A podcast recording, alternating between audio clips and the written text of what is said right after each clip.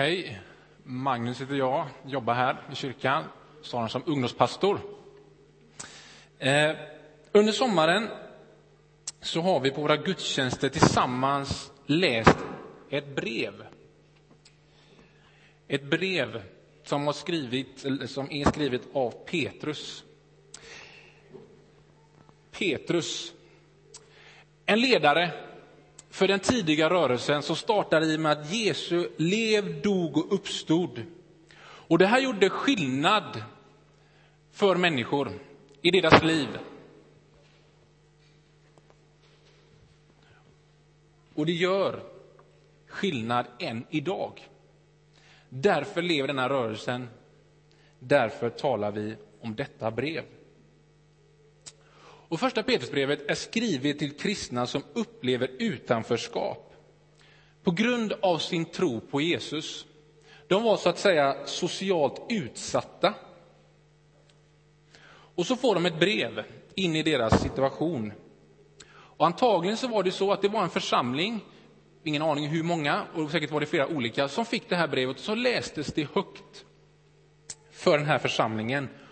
Och idag så läser vi i Saronförsamlingen det här brevet. Och vi ska läsa de sista verserna i det här brevet.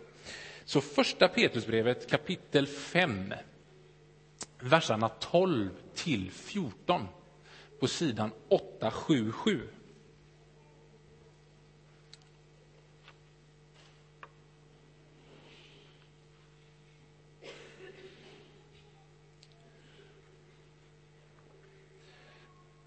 Då står det så här.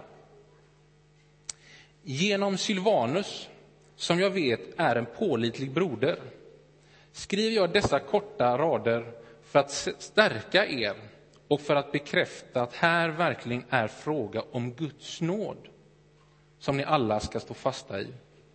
Församlingen i Babylon, utvalda liksom ni och min son Markus hälsar er. Hälsa varandra med kärlekens kyss. Frid åt er alla som lever i Kristus. De här verserna ska jag försöka säga någonting om här nu. Hänger ni med? Så här. Om, om du skulle få välja två ord som skulle beskriva din innersta längtan Två ord som skulle försöka förklara, uttrycka denna längtan som du bär på.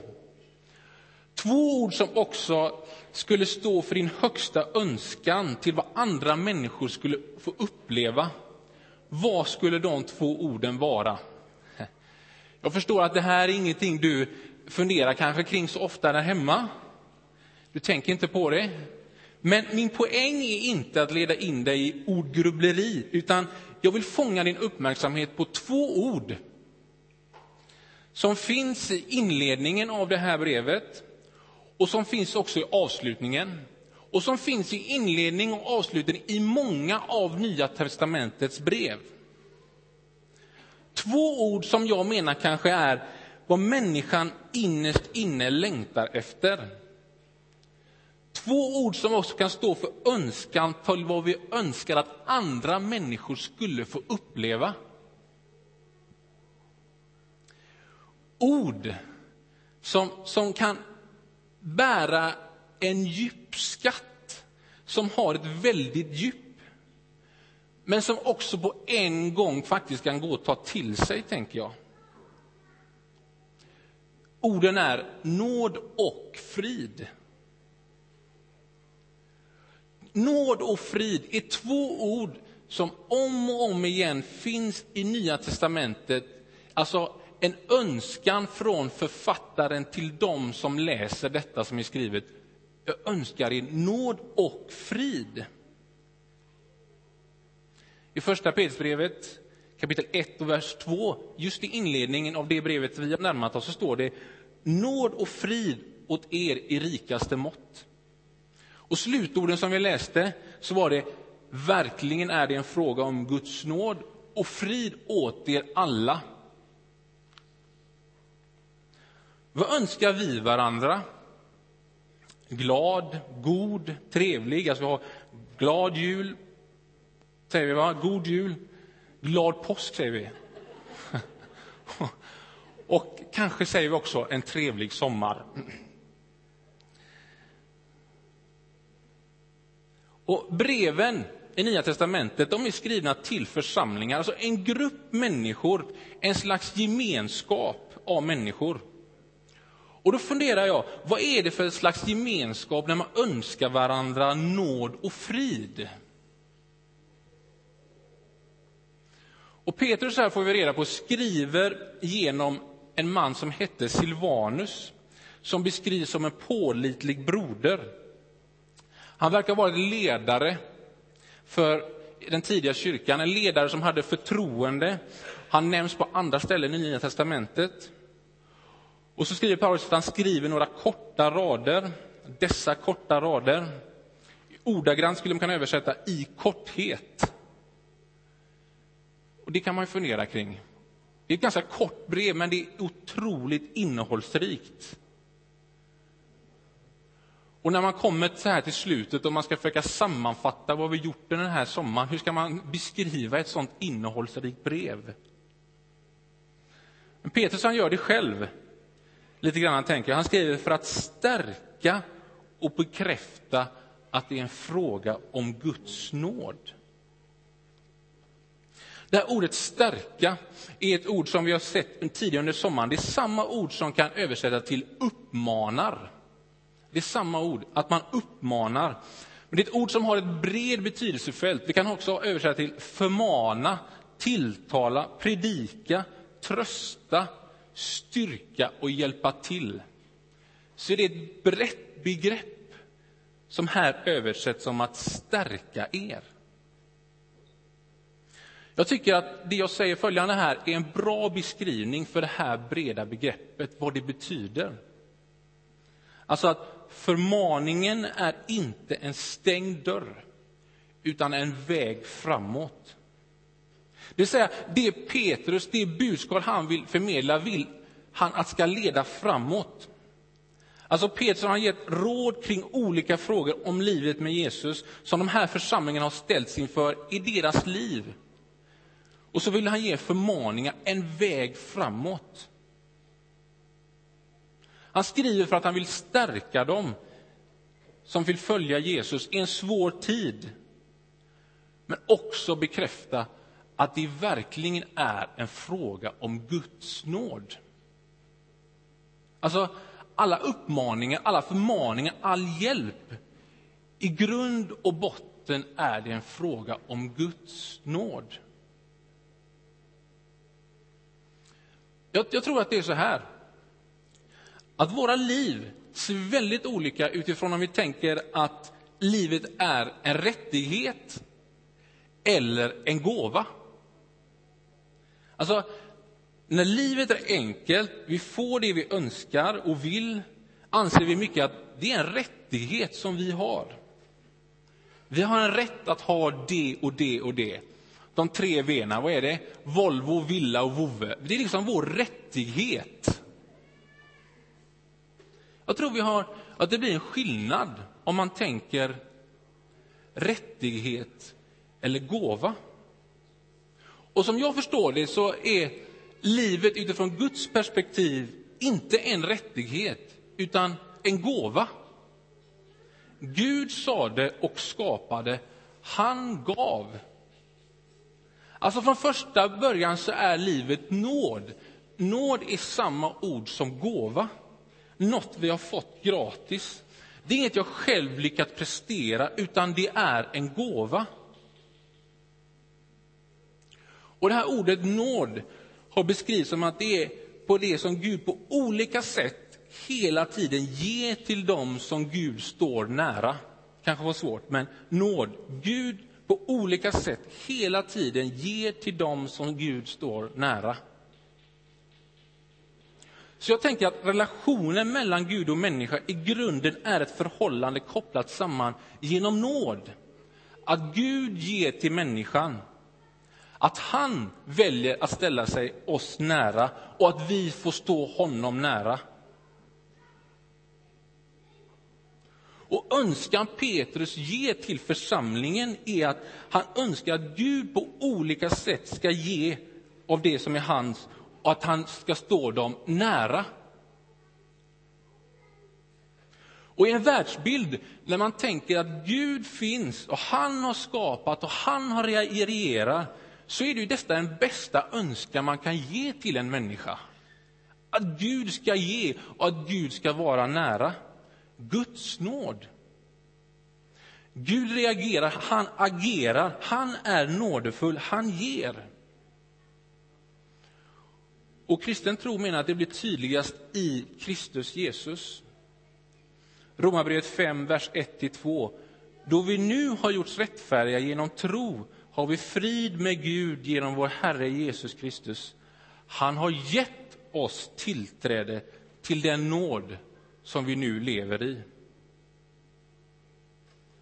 Inom Jesus så ger alltså tillträde till en nåd som man kan leva i, tas emot genom tron. En nåd som ger förlåtelse, nytt hopp, nytt mod, ny inspiration, ny livsglädje. Och tillträde till nåden sker för att det finns någon som har gjort något. Inte att vi kan göra någonting för att få Gud att älska oss mer. Eller vi kan inte göra för att Gud ska älska oss mindre, utan han älskar. Han ger. Och det verkar som att i grunden för förhållandet mellan människa och Gud så finns nåden. Det liv som Gud kallar till genom Jesus, det är i grunden nåd. Alltså de förmaningarna till efterföljelse av Jesus i de olika situationer som man står i, så är det en verkligen fråga om Guds nåd. Alltså Jesu ord, omvänd er och tro, Guds rike är nära. Det är en nåd, det är en gåva som vi får.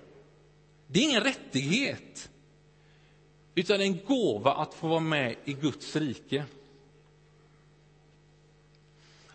Och Jag tror att vi människor har väldigt lätt att falla in i det här kring om rättigheter. Att vi har ett antal rättigheter.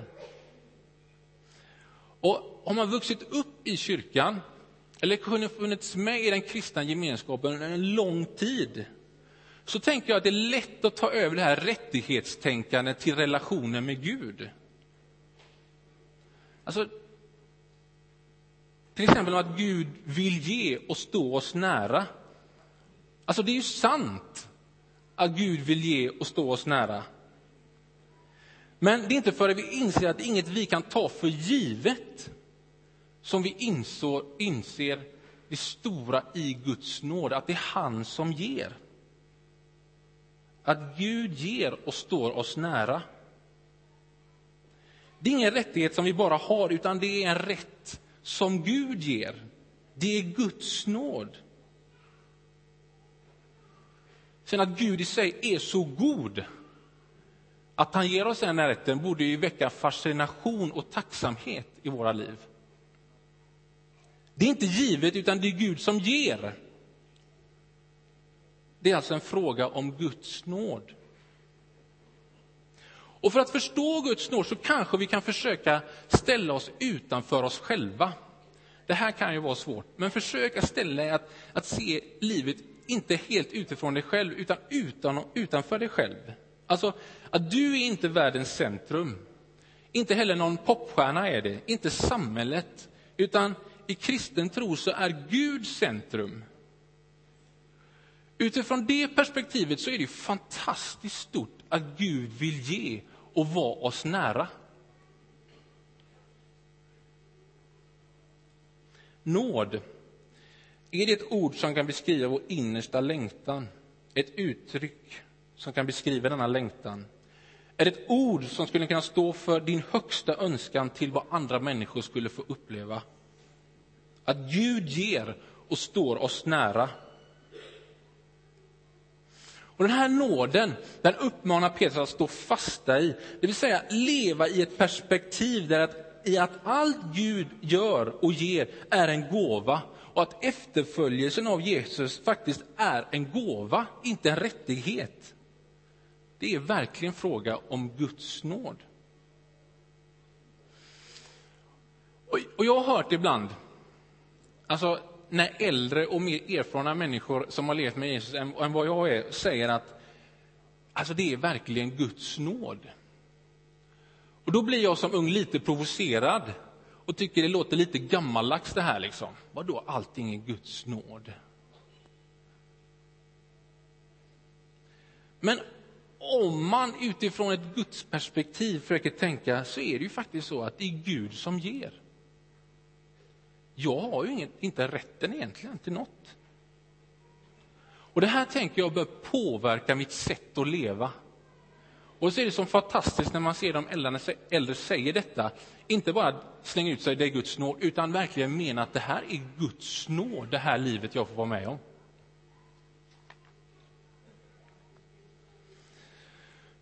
Frid. Vad är det för gemenskap där man önskar varandra frid? Jag läste från Romarbrevet kapitel 5, vers 1-2.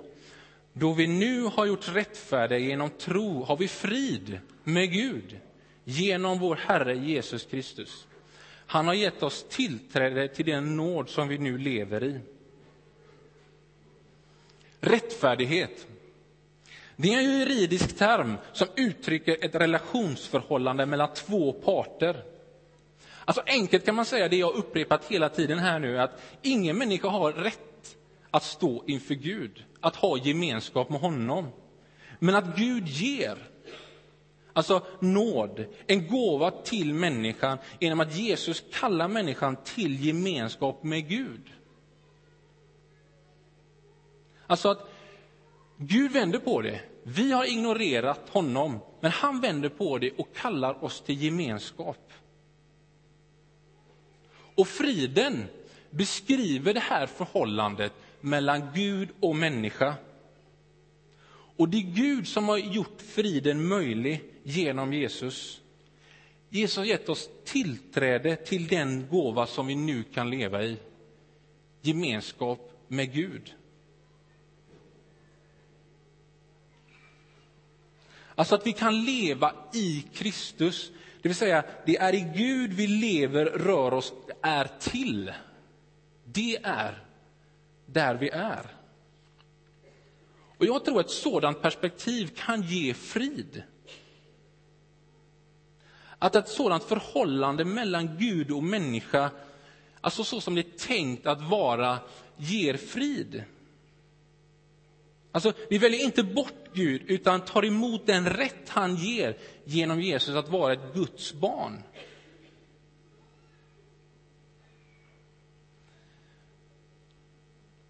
Det är ganska spännande hur vi människor kan påverka varandra genom sättet vi är.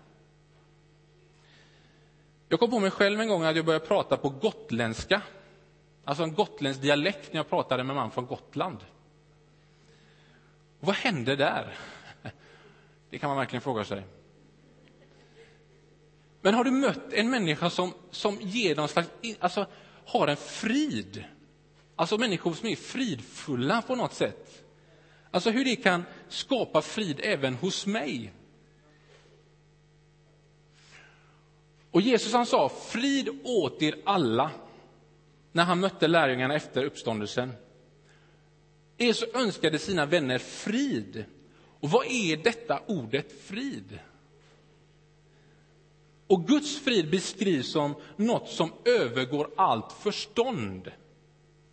Eller som är mer värt än allt vi tänker. Så det låter ju som att det är något bra.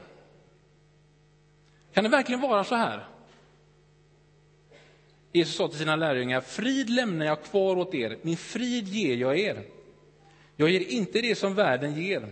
Känn ingen oro och tappa inte modet. Och fungerar man som jag, då vill man ha tag i de här orden. Man nöjer sig inte med att det är fina ord som alltid har sagts. Frid. Men jag känner min begränsning. Att, att med förståndet så kan man inte komma fram till vad frid är. Alltså man kan försöka definiera det, man kan ge en, en god teologisk förklaring, ett förhållande mellan Gud och människa. Men att uppleva frid, och den upplevelsen, jag tror inte det går att beskriva med ord. Jag tror, jag skulle hävda det, att jag tror jag har fått uppleva Guds frid. Jag tror också att jag skulle kunna få uppleva det på ett mycket starkare sätt och jag tror att Gud vill leda mig in i det. Men att det finns något som ger frid. Och det går inte att köpa sig till eller prestera fram. Alltså, och orden räcker inte till. Det är ljus i mörker. Vad är det mer? Ja, det är vad man önskar när man känner oro och modlöshet. Det är ett nytt perspektiv, det är nytt mod, det är nytt hopp, det är frihet. Och jag tror att det går att uppleva frid mitt i oro och i svårigheter. Alltså på något sätt inom sig, utifrån Guds perspektiv, utifrån att Gud älskar och att han har omsorg, så kan man känna en frid. Men jag tror också att detta kan ske i församlingen. När vi möts och påminner varandra om Guds perspektiv, att vi då kan uppleva frid. Och Petrus han skriver sitt brev till människor som upplever utanförskap på grund av sin tro på Jesus. Han önskar dem frid.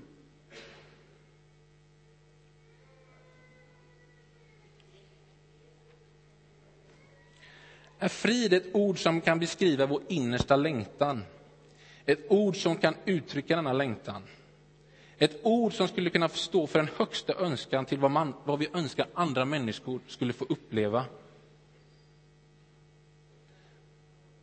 Jag tror att han kan göra det där. Att han kan påverka oss. Som när vi möter människor som har frid så kan vi känna oss fridfulla. Och när vi möter Jesus så kan han ge oss oss sin frid. Jag vet inte hur det går till. Men jag tror att vi kan få uppleva den friden. Jag börjar närma mig ett slut här nu. Så under sommaren så har vi, Saronförsamlingen, tillsammans läst ett brev till oss som församling. Och jag tror att brevets ärende kan göra liksom stor skillnad för oss personligen. För dig och för mig och alla vi som sitter här. Att det är uppmaningar som leder en väg framåt, inte en stängd dörr. Men jag tror också att vi misstar oss om vi privatiserar ärendet. Det vill säga att vi tänker att det bara handlar mig och mitt. Utan så tror jag inte det är tänkt, utan det här brevet är skrivet till en grupp av människor, ett Guds folk, en gemenskap, en Guds familj. Och det är uppmaningar till en väg framåt. Vad upplever vi som församling som en stängd dörr? Är vi socialt utsatta? Är vi det? Alltså jag tänker på något sätt så är alltid livet med Jesus provocerande. Och man blir på något sätt alltid utsatt. För det Jesus säger är provocerande, men så, samtidigt så fascinerat attraherande att man vill följa det. Och jag hoppas att vi som församling vill framåt. För att Jesus är fascinerande. Att uppmaningen vi har hört inte blir en stängd dörr utan leder oss framåt. Och som jag tänker så är anledningen till att vi vill renovera vår kyrka det är att Gud förmanar och uppmanar oss till att gå framåt. Att vara med i det Gud vill göra och det han gör. Att vara med. Hälsa varandra med kärlekens kyss, står det i de här verserna. Det känns väl ganska obekvämt och hyfsat gammaldags. Men kanske var det så att när de läste det här brevet till församlingen så var han på väg liksom in i slutet, så de kanske ställde sig upp och gjorde detta. Jag ska inte leda er till att göra det, var inte oroliga. Men kyssen på den tiden och i det samhället som brevet är skrivet är ett uttryck för nära gemenskap mellan släktingar och vänner. Så det verkar som att sammanhållningen och kärleken hos de första kristna det är förklaringen till den här sedens uppkomst.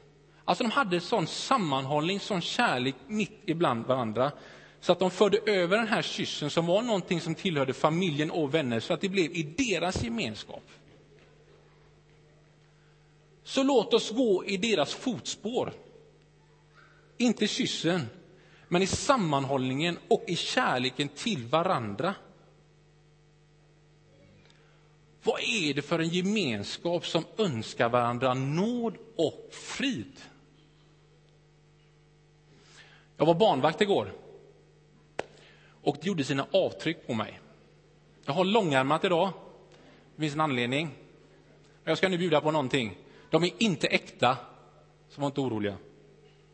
Men jag har fått en tatuering. En liten ängel. Jag har fått två blommor. De är redan på väg bort tyvärr. Men ändå. Kvällen gjorde avtryck på mig. Vad är det för slags gemenskap där man önskar varandra nåd och frid? Jo, jag tror det är en gemenskap där Guds nåd och Guds frid har gjort avtryck. Alltså på en individnivå, men också på en gemenskapsnivå som gör att vi stärks och förmanas och går framåt. Nåd och frid åt er alla. Amen. Herre, tack för din gemenskap med dig själv och med människor som du kallar till att följa.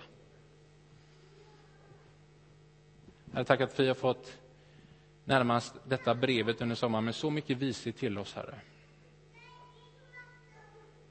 Hjälp oss att, så att det blir att vi går framåt, Herre. Herre, vi vill vara med i det du gör och det du vill göra. Använd oss. Amen.